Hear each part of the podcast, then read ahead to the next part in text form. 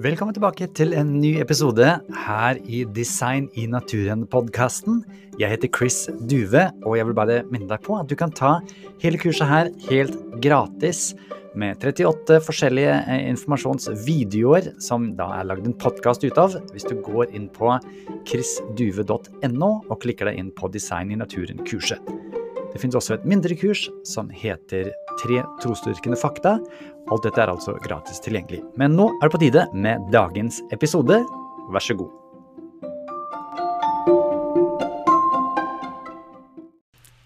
Hei, det er Chris her, og nå skal det altså handle om disse flere fossile eksplosjoner. Vi rekker nok ikke alle 30, men det fins over 30.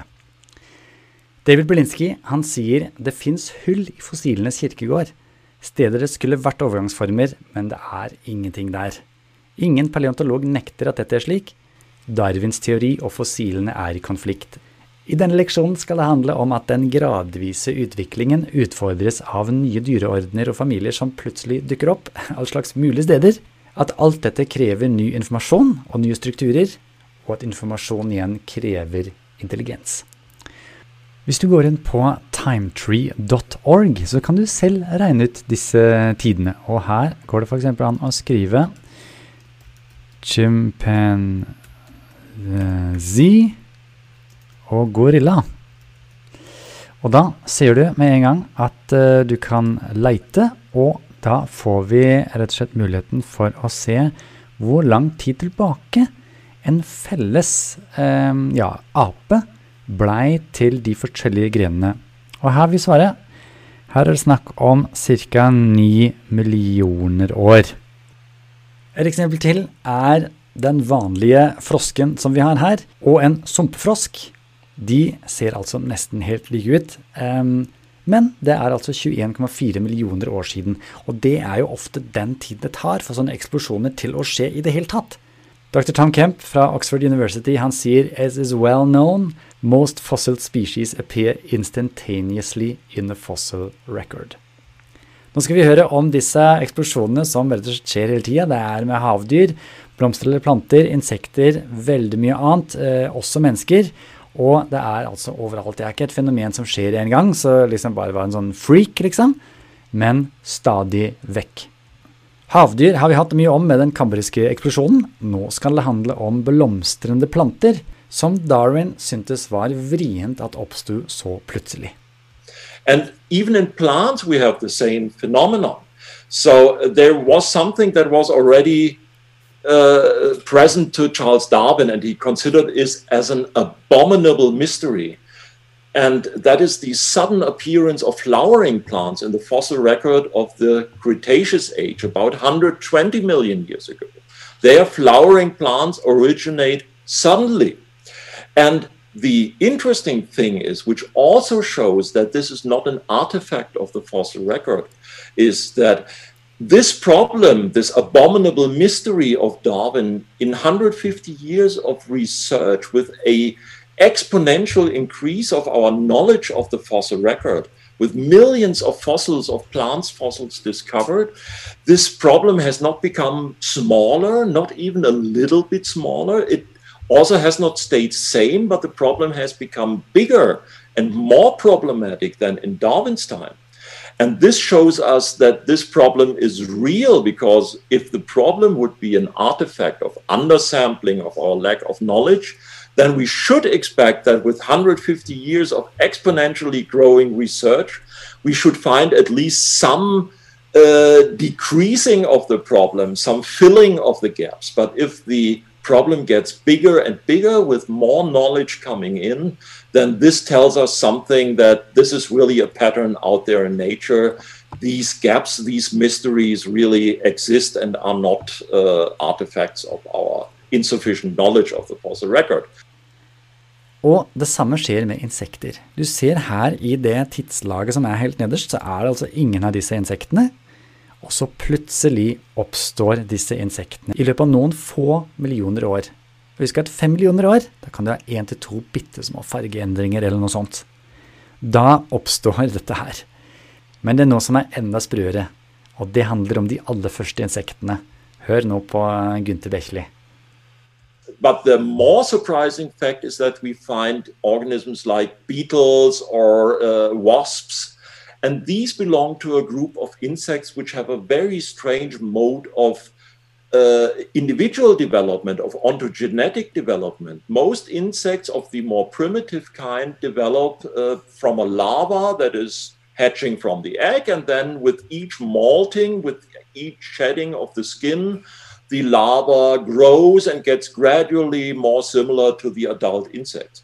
But then you have a group of insects to which belong beetles and wasps and butterflies, which are the so called holometabola uh, insects, which have this metamorphosis, where you have first a larva which looks totally different to the adult, like a caterpillar. And then you have a resting stage where the body is totally dissolved into a kind of soup and then rearranged to the very differently looking adult insect. So from this pupal stage, from the pupa, this resting stage, then hatches not another caterpillar, but the butterfly or the beetle. And it's already crazy to imagine how a mode like this could have originated, where you have a stage where everything is dissolved into a kind of soup. How could this happen by stepwise uh, uh, tiny changes process? But that you find this not after 100 million years of gradual stepwise evolution, but already together with the oldest flying insects, the first representatives of this mode of reproduction is totally crazy and is again totally counter the predictions of a gradualistic Darwinian theory and requires some explanation. Where did the information for this vast, abrupt transition, uh, where did this information come from? Was it built up by a stepwise slow process? There's not enough time for that. So the information had to come from somewhere else, maybe from outside. Mer om det i leksjon 8 med sommerfugler. Daily, Døyen og Elich skriver her dessverre har bevisene for de viktigste stegene som leder til opphavet av insekter, ikke blitt funnet blant fossilene. Heller ikke når det gjelder fiskene har Darwin veldig mye lykke med seg. Her står det The geological record has so far provided no evidence as to the origin of the fishes. I tillegg så skriver professor Barbara Stahl at none of the known fishes is thought to be directly ancestral, altså ingen av fiskene som vi kjenner til, ser ut til å være det som har ledet til landgående dyr. Hun skriver også at vi ikke har noen fossiler som viser overgangen fra skjell hos fisk til fjær hos fugler. Det er makroevolusjon, og du kan si når det tar hundrevis, tusenvis av millioner av år for å få til små endringer, som Ola Hørsel var inne på, hva skjer da med makroevolusjon? Men om vi da prater om lang, eh, langskalig evolusjon, eller så makroevolusjon, da kreves det utvikling av helt nye typer av eh, organ eh, for nye arter som skal utvikles. Og, och vi, vet att allting, information till eh, alla egenskaper hos arter, det finns ju lagrad i cellernas DNA i, i generna. Och då måste de eh, generna ändras över tiden. Och det måste bildas nya gener. Och de måste uttryckas för att proteiner ska eh, tillverkas i cellen som då i sin tur gör att helt nya typer av organ bildas. Och, det, om det nu är dessutom sådana här organ som är nya typer av ögon som kräver att väldigt mycket ska finnas på plats samtidigt för att de ska kunna bildas och, om det dessutom är så då att ett, ett halvt öga är ett icke-fungerande öga då tar det oerhört lång tid. Och eh, enligt min bedömning så känner man inte till några metoder så att, så att, man, att, så att, att man skulle kunna åstadkomma det inom de här tidsramarna vi pratar om. Og det er mange eksplosjoner det er snakk om. Her er det reptiler i havet. Her er det reptiler som kan fly. Og du kan si når det står 'radiation', så er det altså det plutselig sprer seg masse nye dyreslag. Til og med når det gjelder sommerfugler, så er det snakk om en radiation, at det skjer bare så fort at du ikke kan forklare det med gradvis forandringer som vi veit om. Vi veit at denne flua tok 50 millioner år. Men her oppstår altså en haug med helt nye sommerfugler i løpet av 30 millioner år. Og den tiden er ikke nok for å få til slike endringer. Og til og med når det gjelder mennesker, så har de regna på at det ville tatt 216 millioner år. Men vi har jo egentlig bare 6 millioner år for å få til dette her. La oss høre med Gunther Bechli. Uh, a final example, which is maybe very revealing because it concerns our own uh, uh, fossil record, the, the fossil record of humans. And there people may think, well, we have all these ape man type of fossils from Eastern Africa, these Australopithecines. And there we have a gradual picture, a transformation from an ape like form to a modern human like form. You have all seen these textbook images where you have this progression line with a monkey at the beginning, and at the end, you have usually an upright walking white European male as the uh, apex of, of evolution. But actually, that is not how the fossil record of human looks like. First, there's a total chaos in terms of classification and reconstructing the relationships of these different fossil forms. There's no consensus uh, because the characters are so conflicting, but also the transition between the ape-like forms, the Australopithecines, and the our own genus Homo uh, is not gradual, but again sudden. And that is not what I say, it's what one of the most well reputed specialists on the human fossil record, which is a paleoanthropologist called John Hawkes, found in a study in 2000, where he compared this fossil record and said the changes between Australopithecines and our own genus were sudden and not gradual. And this study has even been called the Big Bang theory of human evolution. So even in our own case, we find not a gradual pattern, but a saltational pattern of change. Da er det ikke rart at David Raup fra Field Museum of Natural History i Chicago at han sier at Darwin sin teori har alltid vært nærme lenka med bevisene fra fossilene, og at mange har trodd at dette er et hovedargument. Og så skriver han «Unfortunately, this is not strictly true». Også Mark Ridley, som er zoolog på Oxford University, han sier eh, hvis kreasjonistene ønsker å gjøre inntrykk på de som er darwinister, så nytter det ikke å snakke om fossiler. Fordi no good Darwinians belief in evolution stands on the fossil evidence for gradual evolution. Det betyr ingen god darwinist tror jo at fossilene beviser evolusjon. Så her snakkes det litt annerledes enn det som vi har lest i skolebøkene så var det enda en konferanse i 2018 sammen med The New York Academy of Sciences, hvor de rett og slett skriver på sin, web, slett skriver på sin webside at vi nå, et halvt århundre, har trodd at genetisk informasjon kommer fra vilkårlige mutasjoner. Men nå skjønner vi at disse tilfeldige mutasjonene kan ikke forklare nye gener og den kompleksiteten som vi ser i naturen. Så man kan lure på hvorfor står det fortsatt i skolebøkene? Hvorfor sier 90 pluss prosent av biologer hjemme evolusjon er jo sant?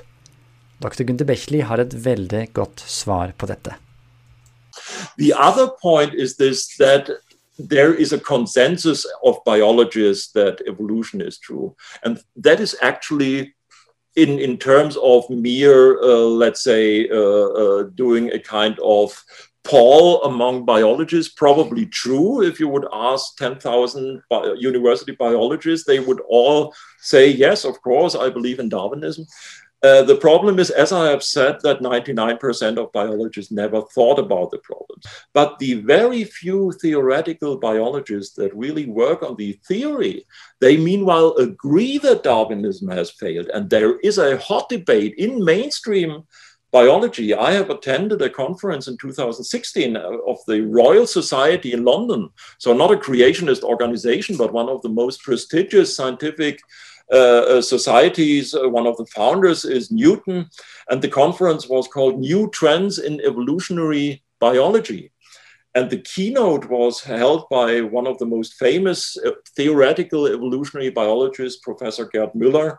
And he showed in his talk a very revealing slide. And I show it to you in bigger. It's titled Explanatory Deficits of the MS Theory. MS stands for modern synthesis, which is just a synonym for neo Darwinism, this theory of random mutation and, and natural selection. And deficit and is what's missing, right? Something that's yes, missing. explanatory deficits mean what the theory cannot explain. And among the five points what the theory cannot explain. He lists phenotypic complexity, complex organs like the eye or the bacterial flagellum or whatever, phenotypic novelty, new structures that arise, and non-gradual forms of transitions, what I have shown before, these discontinuities in the fossil record. If the theory cannot explain these things, new complex structures that arise in a non-gradual way, then the theory has failed as a theory of macro evolution. And then we have to ask what can better explain these facts? What do we know by our constant and repeated observation in our universe? What can account for sudden arise in complexity? What can account for novel specified structures? What can account for non-gradual increases, sudden increases of information? We only know of a single cause, and that is the activity of an intelligent, conscious agent. And therefore, it's not like intelligent design is a kind of God of the gaps argument. It's not an argument from ignorance, not an argument from what we don't know. It's an argument from what we do know. And we make an inference to the best explanation. What can best explain the evidence? The evidence cannot be explained adequately by, by Darwinism, but it can be perfectly explained by the only cause we know that could generate this cause, the, this effect. And therefore, I'm very much convinced that intelligent design is the best explanation for the overall evidence. Her har vi Pagel fra Oxford University, og han skriver i stedet for å finne den langsomme, gradvise forandringen som Lyell og Darwin hadde forventet, så de at fossilene viser raske eksplosjoner av forandring. Nye arter som dukker opp ut av ingenting og som så forblir uforandret for millioner av år. Dette viser mønsteret som hjemsøker oss med et bilde som minner om skapelse. I neste kapittel skal vi snakke om arkeopteryx. Ja, men er ikke det en sånn missing link som har bevist et eller annet? Hva med hesteevolusjon? Det er jo i skolebøkene med veldig tydelige bilder fra det ene til det andre. Hva med hvalevolusjonen? Vi har jo fine bilder om det, det må jo være noe som har skjedd. Vi skal snakke om evolusjonens ikoner, så det er bare å glede seg. Du husker at Darwin selv, som en god vitenskapsmann, la inn falsifiseringer i teorien sin. Og han visste at eh, disse fossilene ikke var i det kambriske jordlaget, og han håpa at de skulle bli funnet. Og de har ikke blitt funnet, ikke fordi de har blitt borte, ikke fordi de har råtna, ikke fordi vi ikke har funnet de ennå, de har aldri eksistert. Det vet vi per i dag. Da sier Darwin at saken må understrekes som et gyldig argument mot meningene som her presenteres i artenes opprinnelse. I denne leksjonen har du lært at gradvis utvikling ikke støttes av fossilene, og at det rett og slett er matematisk umulig. Evolusjonsbiologer innrømmer at fossilene ikke støtter Darwins idé, selv om skolebøkene ikke gjør det ennå. Men de får lov til å henge litt etter. Men det er likevel bra å være oppdatert på the new state of the art. Og bildet som danner seg når vi har sett på de vitenskapelige oppdagelsene, minner om skapelse, eller sagt med andre ord design. Da er det tid for action. Nå er det din tur, og det er veldig greit om du kan tenke deg en samtale. Du kan gjerne også svare på oppgavearket som følger med leksjonen, for her skal det handle om hvordan utfordres den gradvise utviklingen av fossilene. Det står i skolebøkene, det er gradvis. Hvordan utfordres dette? Hva skal til for at nye dyrerekker skal oppstå? Hva er det man trenger? Hvorfor støtter de fleste biologer i Norge, kanskje i verden, evolusjonsteorien? Nå har vi lært allerede i modul 1 at det er seriøse miljøer, som vi også har sett i denne leksjonen med den konferansen i 2018, som stiller sterke spørsmål til neodarwinisme. Men hvorfor støtter så mange det fortsatt? Har du noen svar på det? Og hvordan ville du forklart at det trengs informasjonsinput? Dette klarer du. Ja, det var kanskje noe nytt for noen av dere? Det var i hvert fall mye nytt for meg. Ja, altså Det første var disse eksplosjonene. Ja. Hvor det rett og slett plutselig, plutselig oppstår masse av disse dyrene. istedenfor gradvis. Istedenfor at det skjer sånn. Det er, og det er ikke bare, som dere hørte, med den kambriske eksplosjonen. Ikke så det var en av de som ble nevnt. Det skjer jo med insekter. Det skjer faktisk med menneskene, som vi skal ha mer om i, i eh, et, en modul som kommer. Men at det plutselig oppstår masse forskjellige dyreslag, det er jo en utfordring for gradvis utvikling. Og evolusjon skal være gradvis per definisjon. Ja. Så der er det makrellevolusjon ut å øh, kjøre. Da må det være et eller annet intelligent uh, involvert. Det er jo da den teorien, eh, at uh, da trengs input, ikke sant. Men hva tenkte du om waiting time-saken? Mm, altså, det her, jeg syns jo det var interessant det her med fossilene. At uh, At det stemmer jo ikke at de Eller det stemmer jo da ikke at de har utvikla seg. Dette med at det trengs bare fem millioner år før et dyr utvikler seg. Ja, du må ha faktisk eh, Ja, for en bitte liten forandring. Ja. Det er det som kan skje. Du får ikke Ja. til noe mer. Altså, et Ja. dyreslag varer bare Ja. i fem millioner år. Ja, rett og slett. Så tid har Du, må, ha, du må ha så mye tid som ikke fins for at det skal bli noe nytt. Det er helt, helt sant. Fossilene gir ikke den tiden som trengs for å få til det som er. Nei. Rett og slett. Og her synes jeg faktisk, da, da kan man jo innrømme det, og det gjorde jo faktisk eh, gutta boys, og, og damene selvfølgelig, eh, i den konferansen i 2016, altså at dette er et problem. Ja. Dette kan ikke evolusjon forklare. Evolusjon er kjempebra på noe. Den tilpasningsdelen er jo helt supert. Ja. Det er god vitenskap. Men nye former, nye si, fossiler Nei. som ikke har noe som leder opp til, Det gir ikke mening. ikke evolusjonen, Nei. men hvis du tenker design, så er det plutselig noe helt annet. Hm. I neste modul, da skal vi snakke om dette med em, evolusjonens ikoner. For det fins jo noen sånne ting som man stadig ser, sånn som denne apen som reiser seg og blir et menneske. Ja, den har man jo sett. Eller birkemåleren, altså en sånn Yes. eh, slags sommerfugl måtte, Mm. som på en måte blir eh, da ja, forandrer farge. Mm. Hvordan det har seg med alt dette her, det finner vi ut i neste modul. Og det er bare å glede seg, fordi det er veldig mange gjøglerhistorier som er ute og går, som rett og slett trenger å bli debunked. Sånn er det. Spennende. Vi ses i neste modul.